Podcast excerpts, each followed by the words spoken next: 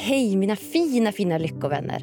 Klockan är strax efter ett och jag sitter här fullproppad av ny och härlig inspiration efter två inspelade avsnitt av ny och härlig lyckokunskap. Hur lyxigt är inte det? Ja, jag befinner mig i Umeå igen efter fyra hela veckors snowboardsemester i Riksgränsen. Det har verkligen varit helt magiskt att få spendera så mycket tid på bergen med finaste människorna. Hur som helst, tack snälla för att just du är med mig och lyssnar idag. Det är trots allt du som gör att jag blir inspirerad att fortsätta släppa poddavsnitt vecka efter vecka. Den här podden den är till för dig som redan mår ganska bra men som med hjälp av små enkla medel vill uppnå mer lycka och välmående i livet. Och vem är jag som babblar på då? Jo, Agnes Sjöström heter jag och jag bara älskar de här djupa och intima samtalen som förhoppningsvis kan inspirera dig till lite mer lycka och välmående i livet. Idag gästar ingen mindre än heartbreak-coachen Johanna Danis Lyckopodden. Hon var så hjärtinnerligt trött på att sörja separationer och sakna gamla ex att hon bestämde sig för att fylla ett viktigt yrkesmässigt hål år 2009 och utbilda sig till heartbreak coach. Efter sin senaste separation bestämde sig Johanna för att söka hjälp och letade efter någon som var specialist på just uppbrott. Men när hon insåg att det inte fanns någon sån hjälp att få i Sverige så bestämde hon sig för att utbilda sig till det själv. Med en bakgrund inom beteendevetenskap, psykoterapi och sorgbearbetning arbetar nu Johanna med att hjälpa kvinnor och män att komma över sina ex på snabbast och bästa sätt. I dagens avsnitt avslöjar Johanna de mest effektiva tipsen för att hjälpa dig komma över ditt ex. Om hur du vet om du kommer över ditt ex eller inte. Och slutligen diskuterar vi om den omtalade tiden verkligen läker alla sår. vào sự.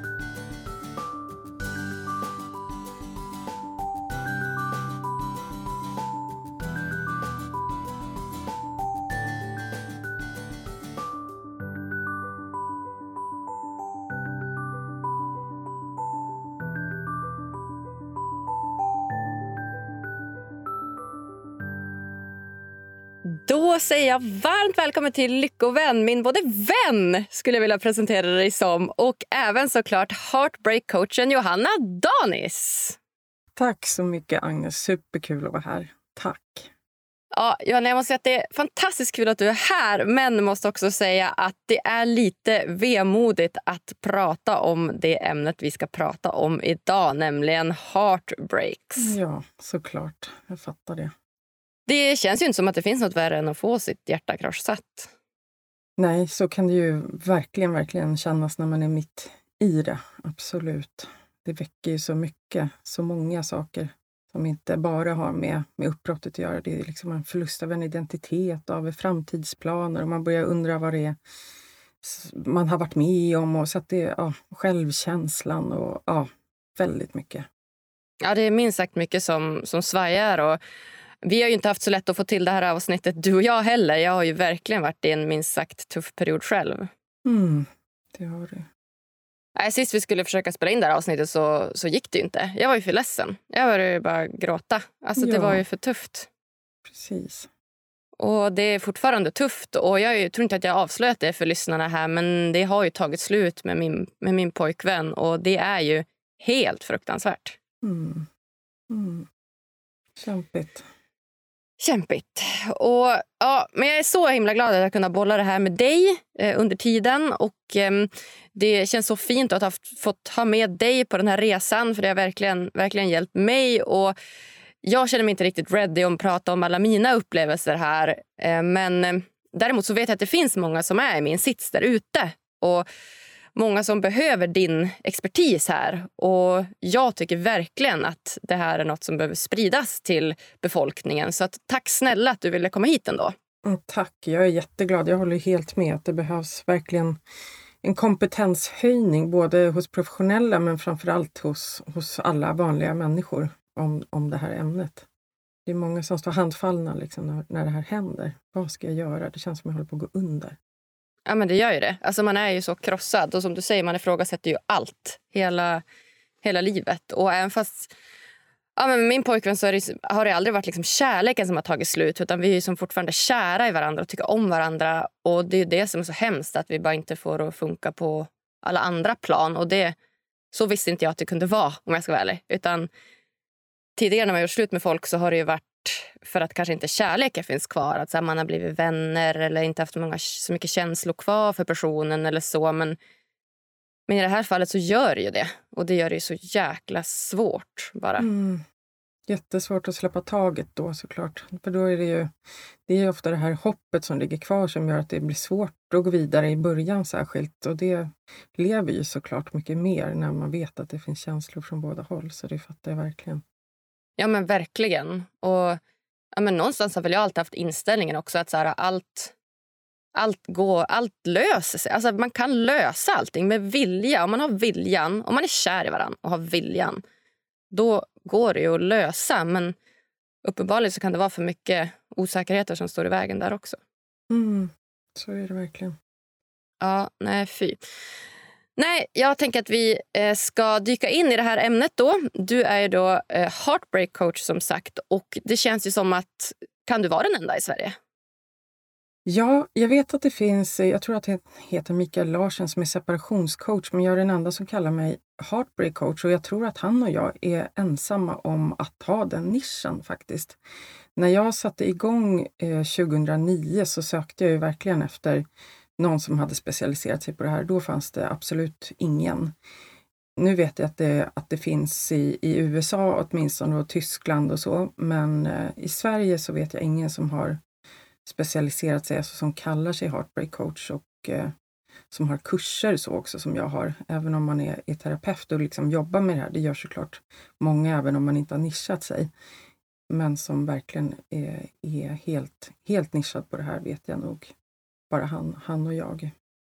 Och det är ganska sjukt för varje år så skiljer sig ju 26 000 par i Sverige och ännu fler separerar och gör slut. Och ungefär vartannat äktenskap slutar med ett uppbrott. Så det är många personer, alltså det är mycket, det är många heartbreaks som sker i Sverige hela tiden. Verkligen. Och sen har vi en massa mikro, mikro heartbreaks också med, med Tinder-dejter, folk som ghostar en och allting. Så att det finns verkligen hela spektrat och ja, otroligt stort. Och det leder ju också till ja, men till psykisk ohälsa på olika sätt. Även om man säger att man har kommit över någonting. I snitt tar det 18 månader att verkligen komma över något, vilket är väldigt lång tid i sig. Och då finns, det är ju ett snitt såklart, så det finns ju hela spannet från folk som är nöjda från första dagen till folk som är jätteledsna i många, många år.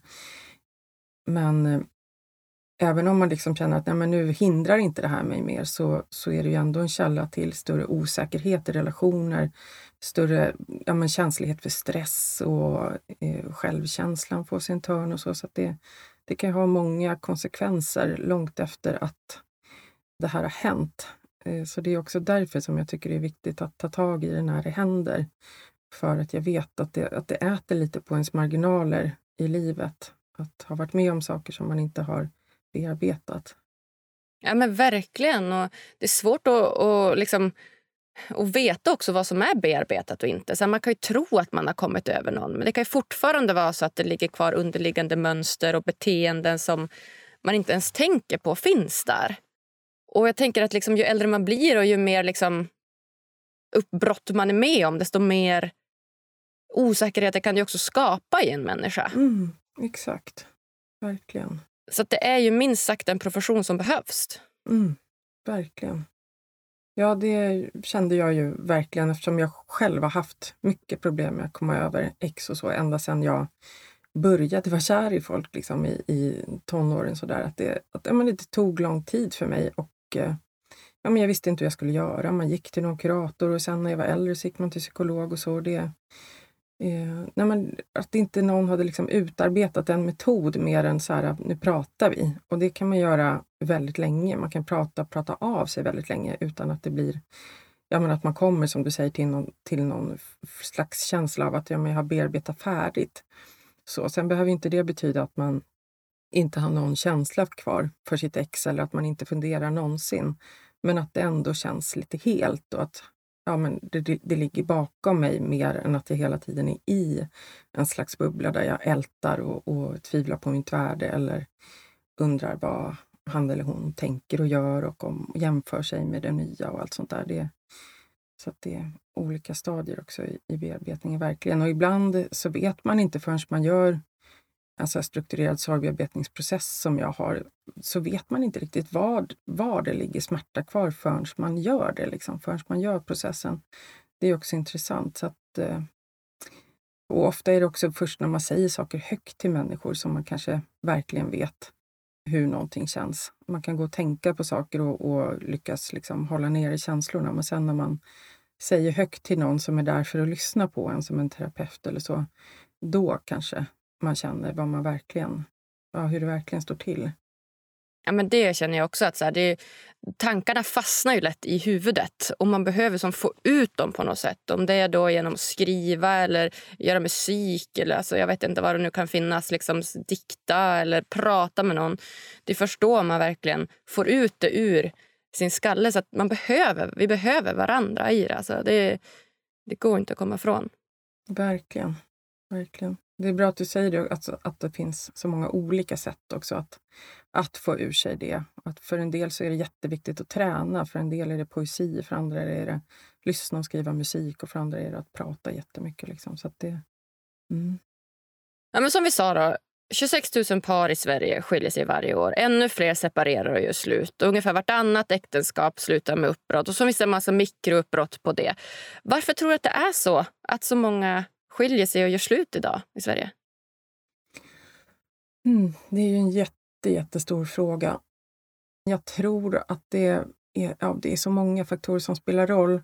Alltså dels att vi har ett, om man ska vara krass, att, det finns en, att vi har en, eh, en större möjlighet att göra slut. Att vi inte, om, om vi inte är nöjda så kanske vi har större ekonom, kvinnor har större ekonomisk möjlighet att skilja sig till, till exempel, även om det är många som fortfarande inte kan det i Sverige för att det, ja, man klarar sig inte ekonomiskt. Men det finns ändå en större frihet nu. Eh, det har också förändrats, kulturella normer runt hur vi mår har förändrats. Att om det förr var en moralisk god sak att göra att hålla ihop, det var det finaste man kunde göra, så är det nu som att vi har en moralisk norm som är att vi ska bli lyckliga. Så att man känner sig lite dålig om man stannar i någonting som inte gör en lycklig. Eller åtminstone vet att, eller tänker att ja, men jag är värd att ha det bättre än så här. Och det finns också ett större utbud. Vi har så mycket kontakt med andra nu. Om man skiljer, liksom, tänker att man bor i en liten by där det finns ett väldigt litet eh, antal människor att välja på att bli ihop med mot att nu när vi har internet och storstäder så är det såklart lättare att tänka att, att eh, det kanske finns någon annan. Så, men sen tänker jag också att vi är mer självmedvetna idag. Att vi kanske har eh, större erfarenhet av och vana vid att reflektera runt vad vi känner och vad vi upplever i relationer. Och sen är det också men det är hög press på relationer, det är mycket stress, det är mycket Ja, det, det, är mycket. Vi har långa pendlingsavstånd som gör att vi har mindre tid. Vi ska vara på jobbet och sen så ja, mycket utbrändhet och ja, det, det är mycket, många faktorer. Så jag tänker att folk är grymma som håller ihop så länge som de gör oftast. Oftast så, så klankar man ju ner lite på folk och tänker att de, att de går för lätt. Men av de jag träffar så är det snarare så att folk har kämpat väldigt, väldigt mycket och länge för att försöka få det att, att funka. Tror du det har något att göra med liksom ett individuellt plan idag? Alltså att jag tänker mer anknytningsmässigt eller osäkerhetsmässigt eller, eller så. Tror du att det spelar, tror du att det hjälp, hjälper oss eller skälper oss idag? Tänker du att om människor har liksom en, en större tendens att ha otrygg eller an, undvikande anknytning liksom idag? Eh, ja. Det, det, vet jag faktiskt inte, men eh, det är väl möjligt att det är så och att det påverkar, absolut. Man har vuxit upp med skilsmässor. Man har kanske vuxit upp med frånvarande föräldrar på olika sätt, att de är stressade eller mår dåligt eller så. Eh, så att det kanske har ökat, jag vet inte. Men samtidigt kan jag också tänka mig att, att det är fler som får en god anknytning idag för att man har en större medvetenhet om hur man ska vara med barn. Så, så jag, jag, kan verkligen inte eh, riktigt svara på det. Jag kan verkligen bara spekulera. Så att Men att anknytningsstil spelar roll, det är ju otvetydigt så liksom för om man lyckas hålla ihop relationer eller inte. Absolut. Du var inne där lite grann på hur lång tid det tar att komma över ditt ex. Är det 18 månader som är snittet? Snittet är ju det och det gäller egentligen all sorg, liksom även efter dödsfall så, så brukar man säga att det, att det tar 18 månader i snitt. Då. Men sen, det som jag brukar vara noga med att understryka är också att det, det är också ett snitt som är både så folk som inte tar hjälp, folk som förtränger saker, folk som, alltså olika copingstrategier ryms ju inom det spektrat, liksom, eller inom den tidsrymden. Och, och det som jag vill säga är verkligen att, att man kan påverka det själv. Inte för att skynda på det, men för att få en mer en djupare läkning som, ger en, som gör att man kan må bättre sen. Eh, och som gör att man vågar gå in eh, med trygg, att man får en tryggare anknytning sen till folk som man träffar. Och gör man det så kan det ju också göra att man, den här rädslan som kan bli av att ha brutit upp flera gånger kan kanske snarare bli att man är lite mer rädd om relationen och sig själv och lite mer uppmärksam på vad man vill och så. Det är ju i det bästa fallet. Eh, men som sagt, snittet 18 månader, men jag tänker att man kan, att man kan påverka det själv på olika sätt. Alltså det är liksom ett och ett halvt år. Mm. Mm. Alltså det är så länge. Alltså du vet, när man precis är inne i ett uppbrott och bara... Man tror ju att man ska dö. Alltså det, det, känslan är att jag kommer dö utan den här människan. Och sen ska du vara i det i ett och ett halvt år. Alltså det är rough alltså. Men det är det som är, är viktigt att komma ihåg också, att det kommer gå i, i perioder. Det kommer inte hela tiden kännas som att du vill dö. Det kanske känns så första tiden. Och sen så kommer det mattas av. För att det är inte som att äh, sorg, sorgearbetet är väldigt intensivt i 18 månader och sen känns det bra. Utan det kommer ju kännas, ja men nu går det längre och längre tid mellan det känns som att jag vill dö eller mellan att jag ältar. Eh, eller så. Och däremellan så mår jag kanske bättre och bättre. Så det är viktigt att komma ihåg verkligen att det, att det går i vågor ofta sorgbearbetet, där man får återhämtning lite emellanåt. Där man kanske ja, men ägnar sig åt annat, kommer ut lite, gör saker eller liksom tillåter sig att skratta eller dejta eller dansa eller vad det nu är. Liksom. Och sen kanske man går ner i en, i en djup våg igen. Så det är viktigt att, eh, att också ha med sig det när man är i det där djupaste. Att det, det kommer inte alltid kännas så här. Eh, och det kan ju kännas som att jag, man kanske inte ens vill att det ska gå över, för man har ingen lust att, att tänka att det ska gå över, för det betyder att man också då har separerat definitivt. Liksom. Det är det som är, är så jobbigt också. Så att ibland kan det ju vara så att om man känner att någonting har varit otroligt viktigt för en och betydelsefullt, så kan man känna att jag vill inte att det här ska ta kort tid, för jag vill hedra det här som har varit. Någonting i mig, min själ i mig, behöver så här, ge det här den tid som det har betytt. Liksom, att det behöver stå i relation till varandra. Hur djupt och viktigt det har varit för en och hur länge man sörjer. Så, så det, det har så många funktioner, sorg också. Och Det där känns verkligen som att det kan vara både och när man går vidare från en relation. Att Dels att här, man vill hedra och vill ta lite tid för sig själv och du vet, vara lite... Ja, men, låta det ta lite tid. Men det kan också vara den här grejen att man kanske vill träffa någon ganska snabbt ganska snabbt efteråt och kanske rebounda lite grann. Eller du vet, inte känna sig så ensam och kanske trösta sig på någon annans axel. Absolut. Ja, det är ju väldigt vanlig copingstrategi. Den har säkert blivit otroligt mycket vanligare i och med dejtingsajter och nu datingappar. Att det går, går snabbare. Liksom. Det är inte lika lätt att hitta någon på krogen i sin lokala stad liksom. som det är att, att hitta någon på Tinder. Särskilt om man är, är tjej så har man ju ett större större möjlighet att, att dejta någon för att trösta sig. Ja, ja men verkligen. Och att ens ta sig ut på krogen när man är heartbreak broken, det händer ju typ inte. Alltså, Nej, precis. Nej, men så det är vanligt, absolut.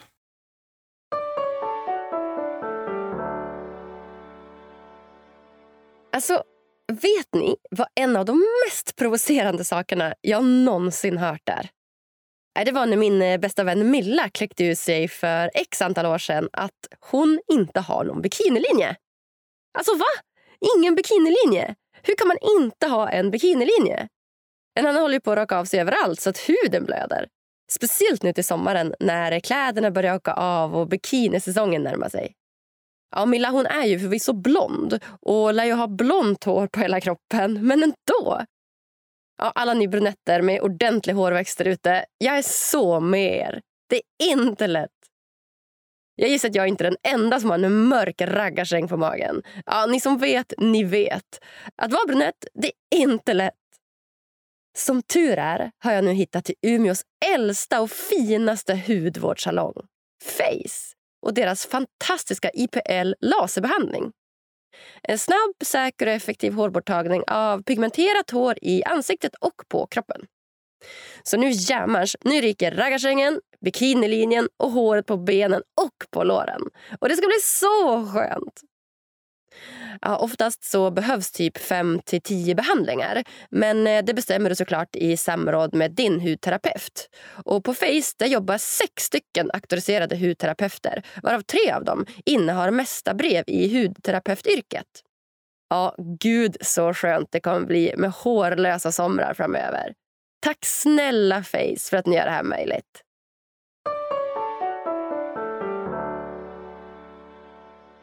När vet man om han har kommit över sitt ex? Alltså då är ju så frågan först, vad är det att komma över sitt ex? Tänker jag. Och om, om vi säger så här, att komma över sitt ex eller komma över en sorg betyder att man, ja men nu kan jag leva mitt liv, jag kan fortsätta gå mot det jag längtar efter. Jag kan vara närvarande när jag träffar mina vänner. Jag eh, tycker inte det är läskigt att vara ensam längre för att det kommer en massa känslor. Jag kan sova. Jag kan känna glädje i saker som jag innan kände glädje i men inte gjorde när det var som värst. Jag kan äta, jag kan tänka att jag är en bra människa, att det inte betyder att jag är lämnad. Då har man ju liksom rent måendemässigt så här, med sin psykiska hälsa kommit över någonting. Sen vet man ju inte förrän, ofta inte förrän man börjar dejta igen och går in i en relation vilka sår som ligger kvar. Liksom. För det är ofta då en så här rädslor och, och så här larmklockor slår på. Och då kanske man fattar så aha, här, här finns det lite grejer kvar att, att jobba med. Så det kan, vara, det kan vara svårt att veta, men att känna sig tillräckligt så här, men nu, nu mår jag tillräckligt bra för att fortsätta med mitt liv. Så det kan man väl säga är, är ett mått på att man har kommit över sitt ex. Sen, sen får man se vad det blir när man går in i relation. Just det, då ska man gå in i en ny relation med ens gamla sår. Och så ska man då försöka läka dem någonstans i den nya relationen. Det är ju utmanande. Alltså. Det är också bra, för att då har man också en, en drivkraft till att göra det. Det är det jag tänker är bra, att vi har en längtan efter att eh, vara med varandra, både som vänner och, och, partners. För att i relationer så får vi också tillfälle att få syn på saker hos oss själva och läka dem Mm. Så, sen gäller det ju att, att kunna jag menar, att ha, ha stöd, kvalificerat eller bra stöd liksom, för att göra det med vänner eller terapeuter. Och att vara så pass mogen så att man kan ta ansvar för det. Och det är ju inte alla, alla som är. Eller det är inte bara en mognadssak, det är såklart också en, ja, men så här, hur mycket vet jag om, hur mycket kunskap har jag om sånt här? Så att, har man inte tillräckligt med kunskap så kan man inte heller reflektera över utan då kanske man bara projicerar saker på, på sin nya eller på sig själv, att man går runt med mycket skam och skuldkänslor och så. Ja, verkligen. Ja, utmanande, minst sagt. Mm. Ha, och så frågan som alla väntat på då, här, Johanna. Vilka är dina bästa tips för att komma över sitt ex? Alltså hur gör man? Mitt första tips det är att så här, lugna ner nervsystemet. Det låter väldigt kliniskt, men det kan hjälpa lite att se på det kliniskt. Därför att, att vara med om ett uppbrott är verkligen en hög stress för hela ditt system. Liksom. Det är massa saker som ställs på ända. Liksom. Eh, så att ja, men man blir stressad och det, det är naturligt. Liksom. Man skiljs från någon som är kanske ens närmaste anknytningsperson. Det ska kännas stressigt så här evolutionärt att, att skiljas från den personen, så det väcker jättemycket saker. Och väldigt mycket av det som vi upplever är outhärdligt när vi är med om ett uppbrott beror ju också på att vi är rädda för smärtan som det innebär. Så att lugna ner nervsystemet genom liksom att, att eh, till exempel sluta ha kontakt med sitt ex, vilket ju kan kännas som att man speedar upp nervsystemet. Först kommer det innebära en jätte, jättestor stress och smärta. Men när man har gjort det efter ett tag så kommer det börja kännas liksom som att det blir lite lugnare där för det är inte massa saker som triggar en hela tiden om man inte har kontakt och inte följer på Instagram och Facebook och så. Så det är en del. Och sen börja praktisera meditation, mindfulness, träna, träffa vänner såklart, fylla på jättemycket med, med social närhet så om man har det. Alla har ju inte det men, men det är ändå ett, ett Liksom, så det, och det gör vi ju ofta instinktivt fast en del av oss har en tendens att dra oss undan för mycket. Så att det kan man behöva vara lite aktsam på. Men att gå i skogen, dansa rekommenderar jag jättemycket. Yoga, saker som ja, men lugna, ner, lugna ner dig. För att när du är lugn så kommer de här läskiga tankarna om framtiden kommer jag alltid vara ensam. Jag kommer aldrig mer få vara med mitt ex och det innebär att jag alltid kommer vara olycklig. Så kan det ju verkligen kännas. Eller jag kommer aldrig träffa någon som är lika bra. Och eh, jag kanske aldrig riktigt har varit älskad. Man börjar också titta bakåt. Så att vad än hjärnan tittar på i det här läget så kommer den tolka det som hot. Liksom. Att framtiden är hotfull, det som har varit är hotfullt, nu, nuläget är hotfullt. Så att kan man lugna ner det och göra smärtan till ett icke-problem utan till någonting som man känner så har man kommit otroligt långt. Så det är också liksom första steget i min så här, kom över i textkurs, att lugna ner nervsystemet och då kan du bearbeta saker också. Det är också en del i, om du går i traumabehandling och som vanlig psykolog så är det också alltid första fasen att stabilisera, hitta vad som är lugnt och gott i dig här och nu. Eh, så, för att annars så kommer du inte kunna ta till dig särskilt mycket terapi eller göra en bearbetning som blir grundad. Så det är första tipset. Försök göra saker som, som gör dig lugnare. Och då är det viktig skillnad mellan så här, vad dövar dig och vad lugnar dig. Och att döva kan man göra med alkohol eller som du sa med Tinder dating eller eh, shopping är jättevanligt. Det är väldigt vanligt att man gör av med otroligt mycket pengar liksom, efter en sån här grej. Att man shoppar, går på krogen, lägger pengar på dating, gör skönhetsingrepp, eh, köper nya kläder, alltså olika saker för att återupprätta liksom, sin känsla av värdighet och eh, för att vara social eller bara så springa ifrån allting. Eh, det kan ju ha sin plats liksom, för att vila, men man kan inte bara döva för då kommer man inte komma vidare. Liksom. Det kommer att bita en i, i, i baken till slut. Liksom. Mm. Så att, att vara lugn men inte döva eh, hela tiden. Liksom. Jättebra första tips där. Lugna ner nervsystemet. Sluta ha kontakt med ditt ex. Meditation, mindfulness, träffa vänner, gå i skogen, dansa, yoga. Det är okej okay att döva lite grann, men inte mycket. Mm. Inte konstant. Liksom. precis. Och sen skulle jag också vilja ge som ett tips att skriva, som du var inne på förut, att skriva varje morgon en till två A4-sidor. Bara liksom ös ur allting som kommer så att du verkligen får ur dig det. Töm systemet liksom. Så att det, ja, men det kommer hjälpa lite mot ältandet. Och ett tips där är att du kan göra som en tidslinje över hela relationen. Så här, vilka viktiga saker har hänt i vår relation? Så här, 2016 flyttade vi dit, 2017 eh, så fick jag veta att eh, han har smsat med en annan tjej. 2018 så gjorde vi den här fina, fina resan tillsammans och kom närmare varandra. Alltså så, bara gå igenom allting och skriv ner så vilka olika känslor och tankar du hade kring det och vad du hade velat kommunicera till ditt ex utan att göra det. Men det kommer dels ge dig liksom en ökad känsla av kontroll, lite vad var det egentligen som hände istället för att tankarna bara rusar kring vad som hände och vad som har varit fint och vad som har varit jobbigt. Så får du liksom så lite mer systematiskt gå igenom det. Och du får också en bearbetning och du får lite en, en reality check för att ofta så idealiserar man ju väldigt mycket efter uppbrottet. Och det är också en stressrespons för att när man har skilts åt från den här anknytningspersonen så vill ju gärna på något sätt hålla en trygg. Och det tryggaste den kommer på just då, det är fina minnen med ditt ex. Eh, därför att tänka på jobbiga saker med ditt ex just då, det gör ju att du blir mer otrygg. Så ofta så tänker man på det som senaste gången du kände dig väldigt trygg eller väldigt uppskattad. Så. Och det kan göra att det blir svårare att komma över någon om man bara, bara ältar det, liksom, allt det fina. Så att får du en reality check eh, när du gör en översyn så, så kan det hjälpa lite. Snyggt. Yes. Och det tredje tipset är ju att, du, att, att det ofta hjälper väldigt mycket att söka sig till grupper och andra människor som går igenom samma sak. just nu gärna, men om inte det finns så någon som har gått igenom det som vet vad det är. För någonting som också slår igång i oss i en sån här situation är att vi ofta känner oss dåliga. Vi får en känsla av att vår värdighet sjunker fast den egentligen inte gör det. Vårt värde har det ju inte hänt någonting med. Det är bara att du inte lever med den här personen. Men man kan känna sig väldigt liksom underlägsen allt och alla eh, plötsligt. Och att, att då vara med andra som också har behov av att prata om det här och som vet att det här har inte gått över fast det har gått sju månader.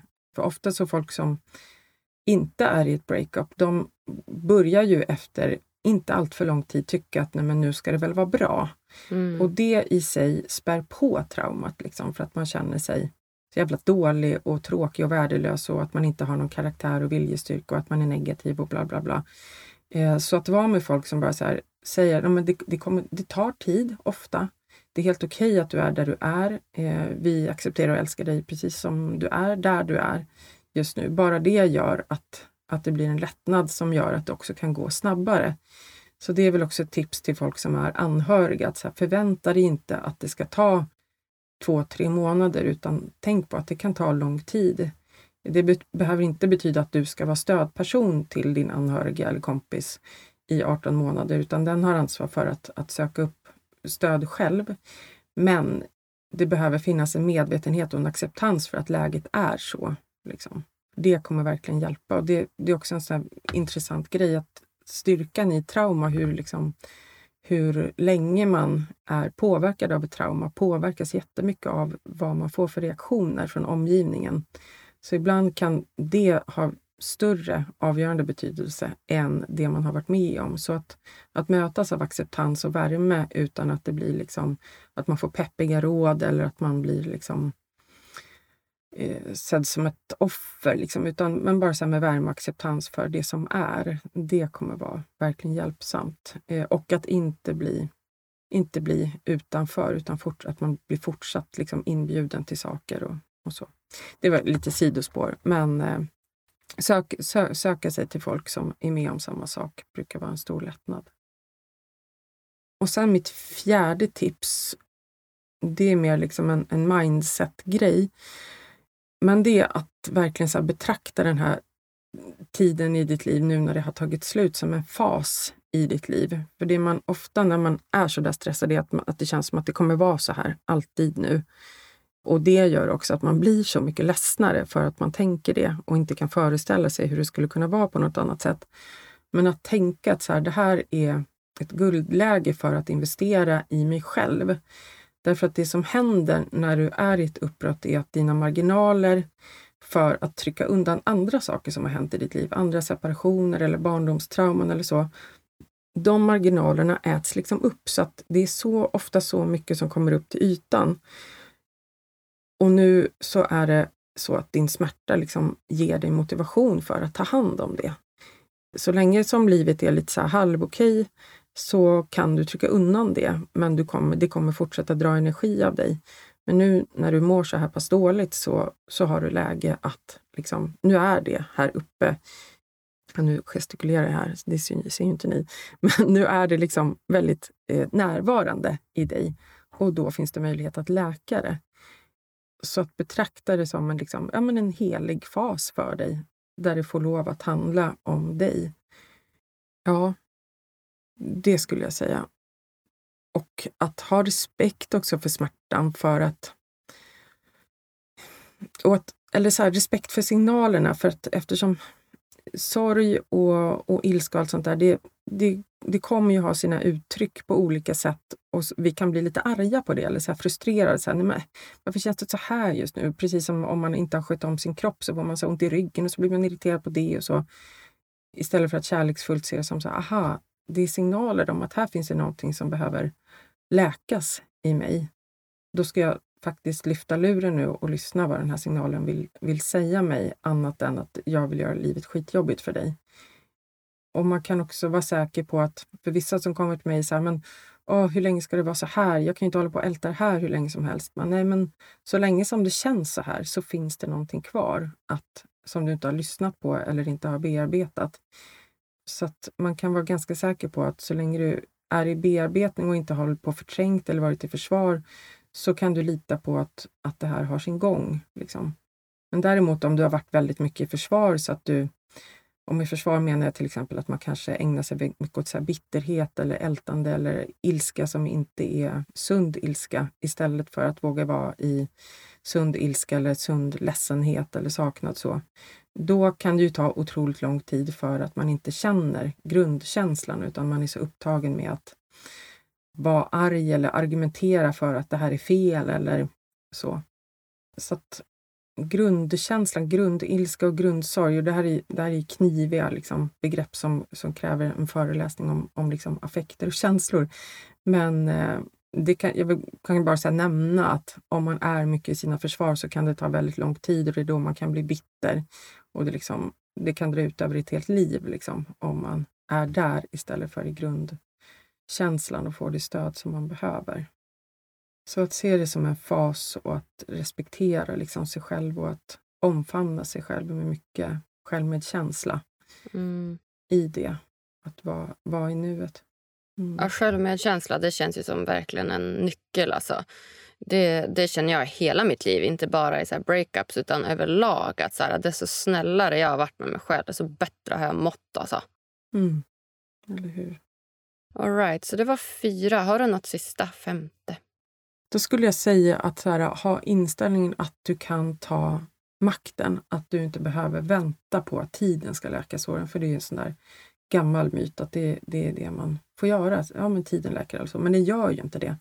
Om det var så så skulle ju alla vid så här 25 års ålder ha en trygg anknytning till exempel. Men det har vi ju inte därför att tiden läker inte alla sår.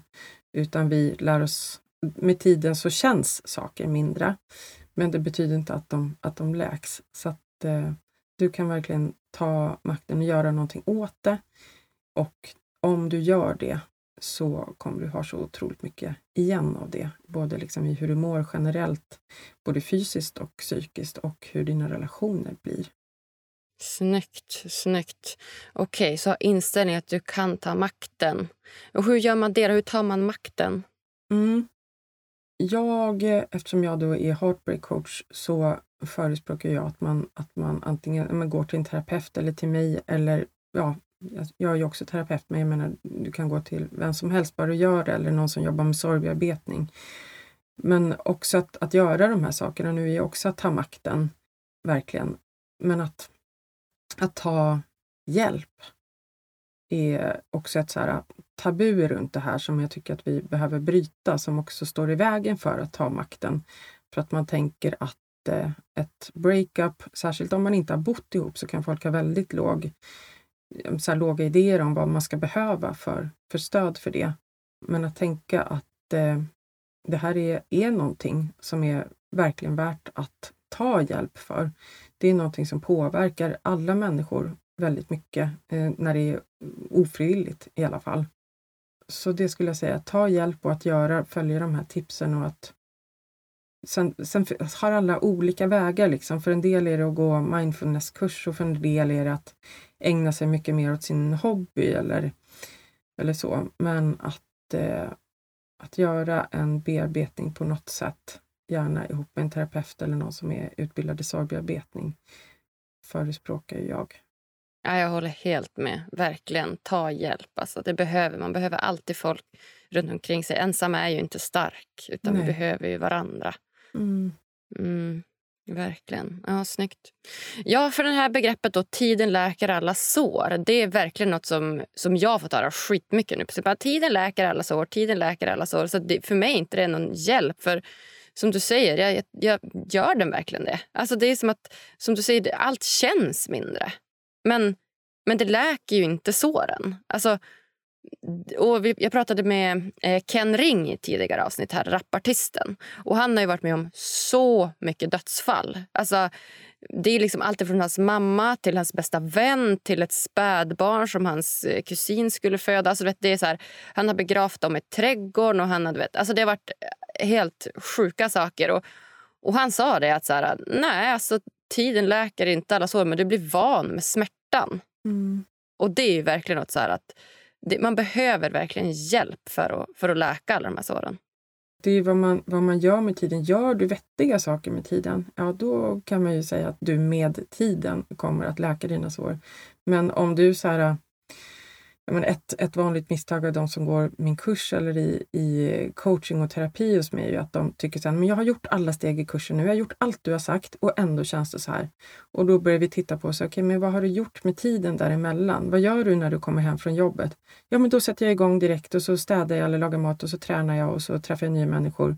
Och så inser jag att men de har ju varit i så här flykt hela, hela tiden, utom just när vi pratar då kanske det finns eh, någonting där. Så då spelar det ingen roll att du gör alla smarta saker eh, och går i terapi. Därför att om du ständigt är i flykt och liksom överaktiverar dig så kommer det inte hända någonting. Du kommer fortfarande känna dig bitter eller liksom, ja, du, ja ditt liv blir inte bra. Liksom. Så att det, ja, det, finns, det finns så många tokigheter med den där myten. Alltså. Ja, men verkligen. Och då känns det mer som det duktig flicka-syndromet. Att så här, oh, okay, det är de här tolv stegen jag ska göra. När jag gjort det, då är jag klar. Då kommer jag frisk. Och så bara drrr, kör man igenom för att man är en doer och bara ska vara duktig och, och klara allting. Och sen så, bara, så här blir det bara värre. Mm. Ja. Mm. Ja, shit. Oh, nej, det, det är inte alldeles lätt det här. Då. Är det, om man tänker framåt sen då. Är det normalt att kunna ha en framtida relation med sitt ex? Som en vänskapsrelation liksom? Ja, eller någon slags... Eller bli ihop igen eller vad? Um, ja, det är väl olika. Nej, men alltså, om du tänker liksom, ja, men om vi tar båda. Så här, hur vanligt är det att bli tillsammans igen? Hur vanligt är det att man liksom blir vänner? Och hur vanligt är det att man inte har någon relation? Jag vet faktiskt inte hur vanligt de olika sakerna är. Jag vet bara att de som blir ihop igen så är det jag har läst någon siffra att det är typ 80 procent gör slut igen. Att det, det är ganska ovanligt då kan man säga att, att det lyckas. Liksom. Sen hur många som blir vänner och så, det vet jag inte som sagt. Men om båda två känner sig fine med det, man har bearbetat saker, så är ju det fint och bra, tänker jag. Men det som man får vara uppmärksam på hos sig själv är ju så här, är det här egentligen att jag när ett litet hopp där under? Och det kan ju vara svårt att erkänna för sig själv, men oftast brukar det bli väldigt tydligt när den andra träffar en annan. Eh, så man kan tänka om vi fortfarande är vänner och så träffar den personen en annan, de gifter sig och skaffar barn, skulle jag vara fine med det? Ja, men då, om du känner att du är 100% fine med det, då skulle jag säga att det är lugnt för dig att vara det.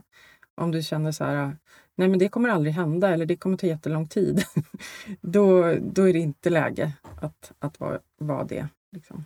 Mm. Ja, exakt. Är det vanligt då att man blir vän med sitt ex? Är det många som blir det? Liksom? Jag vet faktiskt inte. Nej. Jag vet inte.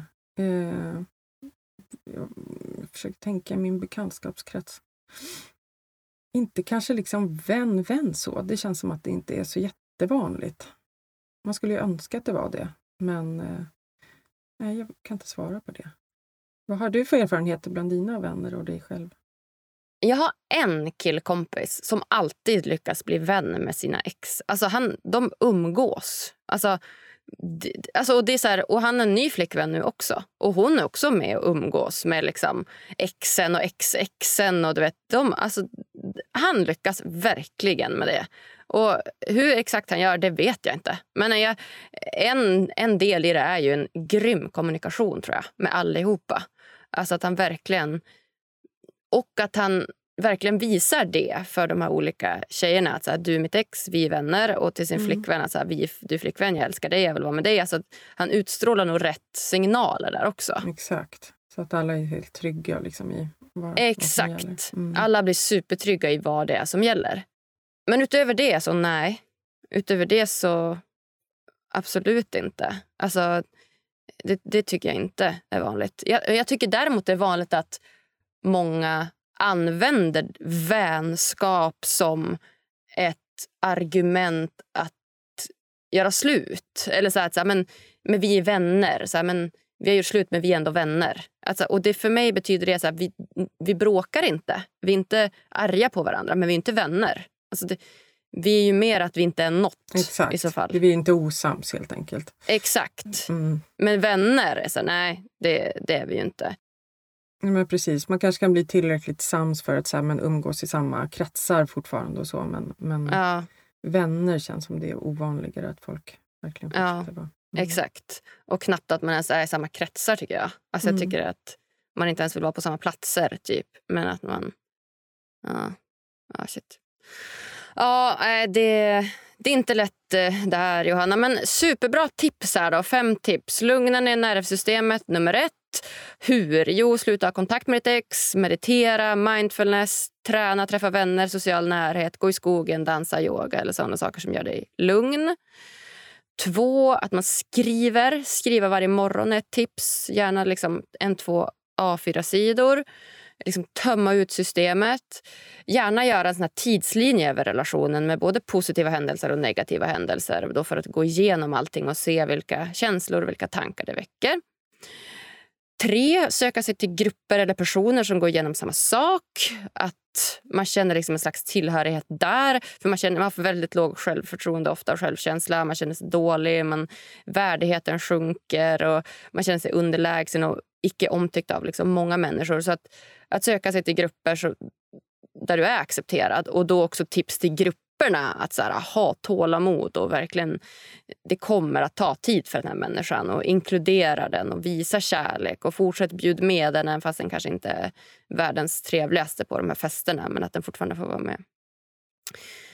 Fyra, betrakta tiden i livet som en fas i ditt liv. Alltså att Det här kommer inte att vara för alltid. Utan Det är verkligen en fas. Och Det är en, en fas där man får passa på att investera i sig själv. Att det som faktiskt är närvarande i en, att det också därför har närmare läkning. Att man faktiskt har möjlighet att bearbeta det här och så, och så vidare. Och så vidare.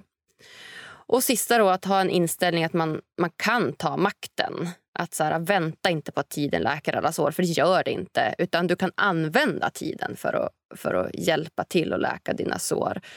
Men med tiden så känns allt mindre, men det läker inte såren för det. Utan det måste du aktivt jobba med. Och att ett superbra tips där är att ta hjälp. Mm. Fantastisk sammanfattning. Tack! Ja, vilken sammanfattning. Tack själv. Nu ska jag leva i de här stegen för alltid, höll jag på att säga. Ja, så fint, Johanna. Jag tänker att vi ska hoppa in på de sista frågorna här innan vi lämnar varandra, du och jag. Mm. Mm. Och den första frågan är ju då, vad gör dig riktigt lycklig? Mig som person alltså. Ja, Inte, inte att jag ska ge tips nu i egenskap av coach. nej. Vad gör mig riktigt? dig. Ja, men det är åh, eh, att sjunga gör mig väldigt, väldigt lycklig inför publik. Det tycker jag är det, det, är det lyckligaste jag vet. Att träffa, krama min systerson gör mig väldigt, väldigt lycklig. Träffa min familj, träffa mina vänner. Ja, vad gör mig, naturen gör mig verkligen lycklig. Dansa gör mig lycklig. Mitt jobb gör mig väldigt lycklig faktiskt. Att knyta an till människor och få lyssna på människor. Jag tycker det är väldigt, väldigt roligt. Även fast många undrar, men det är inte jättejobbigt. Men jag tycker ju att det är så spännande. Så att jag blir verkligen lycklig av det och att jag vet att det, det går att, att göra en förändring. Och det är fantastiskt att få vara med och påverka det. Och när vi har våra gruppcoachingprogram, jag har ett gruppcoachingprogram som heter Skiljas tillsammans. så ja, men den liksom känslan som blir i gruppen när folk vågar öppna upp, vågar dela saker, vågar stötta varandra. Det, det är helt... Ah, det är så magiskt.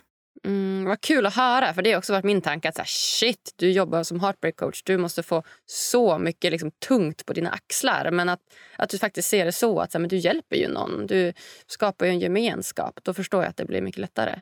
Verkligen. Och sen är det också, alltså jag ska säga det också att jag skulle nog inte palla så mycket att jobba med folk som är i mm, man säger att man har varit i en, en misshandelsrelation till exempel och så går man lite in och ut ur den. Det skulle vara för tufft för mig känslomässigt. Jag beundrar otroligt mycket människor som jobbar på kvinnojourer. Det skulle inte jag palla. Men för mig, och mina klienter, det värsta har ju redan hänt. Liksom. Det kan bara bli bättre. Eh, så jag har ju verkligen fördelen av det, att det är inte det är inte pågående. Det kommer bli bättre och jag ser det varje gång. Liksom. Så att det, även när det är som tuffast så vet jag att det, att det där framme så väntar det någonting annat. Ja, ja snyggt. Det är superbra. Och du behövs, så keep going. Alltså. Mm. Ja, tack. Vilket är ditt bästa lyckotips till lyssnarna? Då? Oh, eh, jo, men mitt bästa lyckotips det är faktiskt att ta reda på vad man har för så psykologiska motivations... Eh, profiler, alltså vad man, vad man drivs av. Jag vet inte, har du haft Desiree Rova som gäst? Nej. Som pratar om det. Då är det mitt, mitt tips, att lyssna på Desiree Rova faktiskt. Eh, som jobbar utifrån forskning om en så grundläggande psykologiska behov, vad som är starkast hos en. Om det är liksom samhörighet eller att bidra eller trygghet eller utveckling eller variation. Sen har vi en till, bidra. Så. Eh, så att ta reda på det, och det har jag också inbakat i min kurs, att man tar reda på det. Så att man inte så här tänker att ja, men det här gör andra människor lyckliga, utan så här, men för mig kanske det är så att ha en helt oplanerad dag som, är, som gör mig lycklig, mest lycklig och närvarande. Och för andra är det så här, men jag vill ha en jätteplanerad dag. Och för andra är det, jag vill hjälpa någon med någonting. Då känner jag mest lycka. Eller jag vill vara ett helt gäng. Då känner jag mest lycka. Eller jag vill vara jag vill lära mig någonting. Då, så att ta reda på vad, så här, vad är just din profil för att känna lycka. Shit vad bra. Eh, ja, verkligen. Men annars närvaro såklart. Det är ju det. Alltså, vi kan ju ösa på med hur mycket häftiga saker som helst. Är man inte så här, närvarande i det eh, så kommer man inte känna någonting. Då måste man ju bara fortsätta jobba med där, de där dopaminreceptorerna tills de inte funkar längre, typ för att man, man är så van vid att stimulera dem. Så att eh, närvaro, att, eh, att chilla emellanåt, eh, ta bort eh, skärmar och tv och, och, god mat och så eh, emellanåt så att man skruvar upp sin mottaglighet för saker som är härliga. Det är bara att kolla på Robinson, hur härligt de tycker att det är att, att äta en mango efter att de har svultit. Liksom. Så någonstans där i, i, att så här, i kontrasterna bor ju lyckan, verkligen. Snyggt. Bra avslutning i kontrasterna bor lyckan. Och det var ju så bra tips. Desiree Rova, mm. det är mm. verkligen mm. något för podden. Alltså. Verkligen, 100 procent. Uh. Hon är så grym också på att prata och berätta. Ja, uh. uh, gud, ja, men hon ska jag verkligen bjuda in. Det var ju självklart. Vad kul. Tack. Tack för tipset. Tack. Ja, nej, är det något så slutligen som du känner att du vill dela med dig av till lyssnarna som du inte har fått säga än? Ja, men det är ju eh, att man får jättegärna söka upp mig och att jag har både liksom en kurs i konsten att komma över sitt ex, en fyra veckors kurs. Jag tar också emot individuellt för coaching och terapi och har gruppcoachingprogram och man är jättevälkommen att eh, söka upp mig. Och ja, det är väl det. Ja, Johanna, jag tycker att du är en stjärna på himlen och du behövs verkligen här i vårt svenska samhälle. Så att jag säger bara tack, tack, tack snälla för att du kommer gästa mig här på Lyckopodden. Ja, tusen, tusen tack att jag fick komma hit. Superfint, jätteroligt. Ja, ah, shit så utmanande det här var att spela in hörni. Men jag är så glad att jag gjorde det. Men eh, det var inte utan att jag fick hålla tillbaka tårarna emellanåt. Åh, så kämpigt. Men jag hoppas verkligen att ni ska ha lärt er mycket.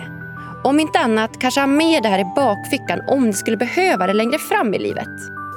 Och bästa, bästa Johanna. Uppskattade ni också det här avsnittet? Då hade jag blivit mega glad om ni ville gå in på podcasterappen i din iPhone eller Android-telefon och ge oss så många stjärnor som du tycker det här avsnittet förtjänar. Och lämna jättegärna lite kommentar också om ni vill det.